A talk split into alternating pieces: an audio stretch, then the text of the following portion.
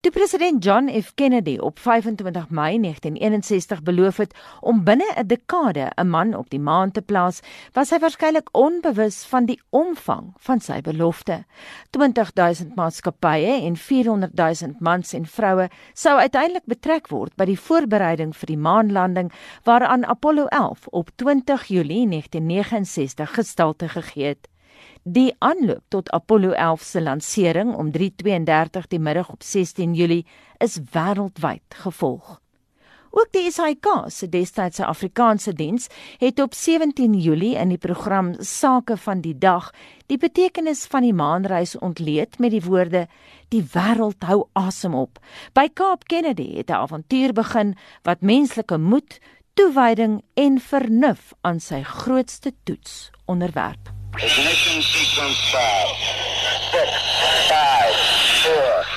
There's the fire. Two, one, zero. All in there it is. It is burning. It's moving. We have a liftoff. 32 minutes. The rocket is lifting off the pad. On Apollo 11. It yards slightly. It's cleared the tower. All clear.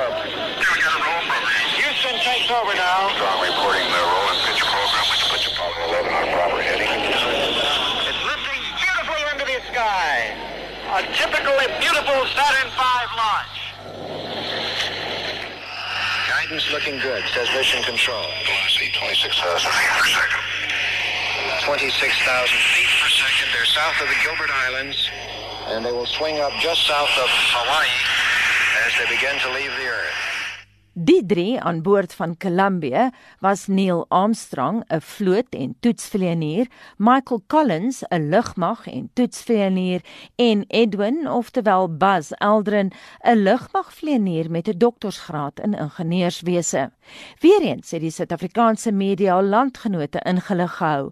Dagbreek en Landstem het tot 'n spesiale maan bylaag gedruk waarin vertel is dat Michael Collins die belangrikste man in die sending was. Hy moes die moederskip vlieg. Terug op moeder aarde in Suid-Afrika was Greg Roberts wat nou 79 is op sy pos as werknemer by die destydse Republiek Sterrewag in Johannesburg. Roberts was deel van die Amerikaners se sogenaamde Moon Watch program. the people overseas knew about me, and American company Belcon were interested in tracking the Apollo missions, and they contacted various observatories around the world to see if the observatory was interested. And so, of course, naturally I was, and they sent predictions as to where these Apollo objects would be. So when Apollo 11 went up, I had a look the first night, and after quite a, a long search, found the objects and was able to observe them the next night also. The third night was the actual night of the landing. Could not see them because they were by then too close to the moon, and of course, the moon being so bright and the Apollo objects being so faint, it wasn't possible to see. So I sat there in the time service division of the observatory, and uh, on a radio, was able to listen in direct to the landing. Met die oë van 650 miljoen TV-kykende aardbewoners op Apollo 11, land die 5000 kg sware tuig op Tranquility Base. Go both auto diesel engine command override off. Touchdown off. F-15 is in. Eagle is on Eagle. Houston, uh, Tranquility Base here. The Eagle has landed. Roger, Tran- Tranquility. We copy you on the ground. You got a bunch of guys about to turn blue. We're breathing again. Thanks a lot. The Eagle has landed. Came the word from Neil Armstrong. Thank you. Armstrong, of course, down on his hands and knees with it How are back, they doing? They're doing fine. backing out the hatch, backing out onto the porch or platform. Okay, Houston, I'm on the porch. Armstrong says he's Roger, on the Neil. porch.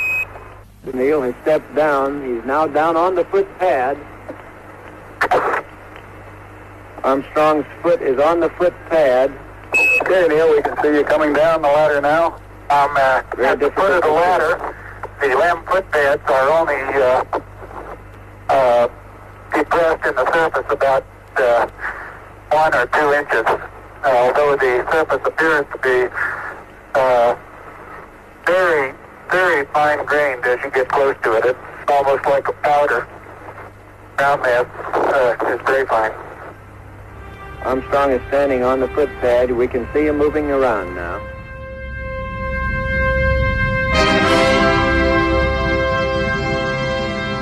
Armstrong se gesig was besmeer met 'n spesiale sonskerm om beskerming te verleen teen die genadeloose strale van die son. I'm to step off the limb now. He's stepping off. He has put his left foot off on the surface of the moon. Man is It's on the moon. small step for man, one giant leap for mankind. One small step for man, one giant leap for man. Neil Armstrong's first words on the surface of the moon.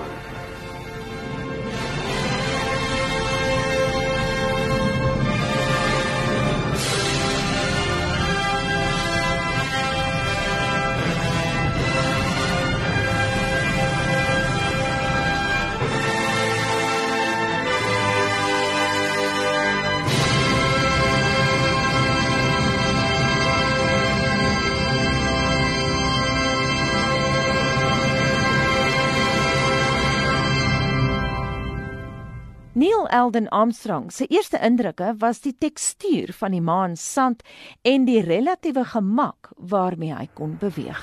Surface is fine and powdery. I can I can pick it up loosely with my toe.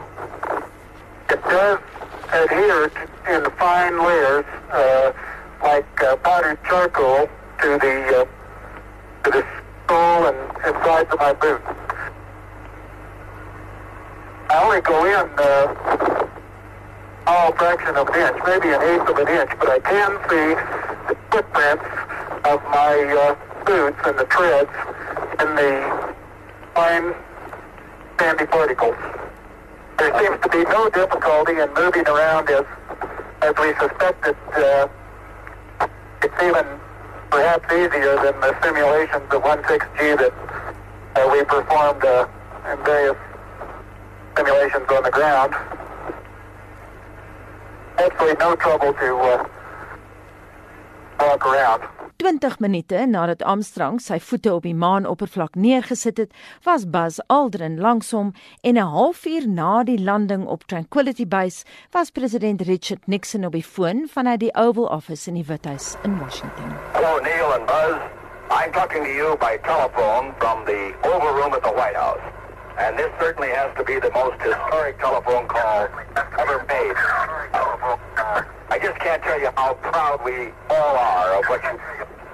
For every American, this has to be the proudest day of our lives. And for people all over the world, I am sure they too join with us in recognizing what an immense feat this is because of what you have done, the heavens have become a part of man's world. And as you talk to us from the sea of tranquility, it inspires us to redouble our efforts to bring peace and tranquility to earth. For one priceless moment in the whole history of man, all the people on this earth are truly one.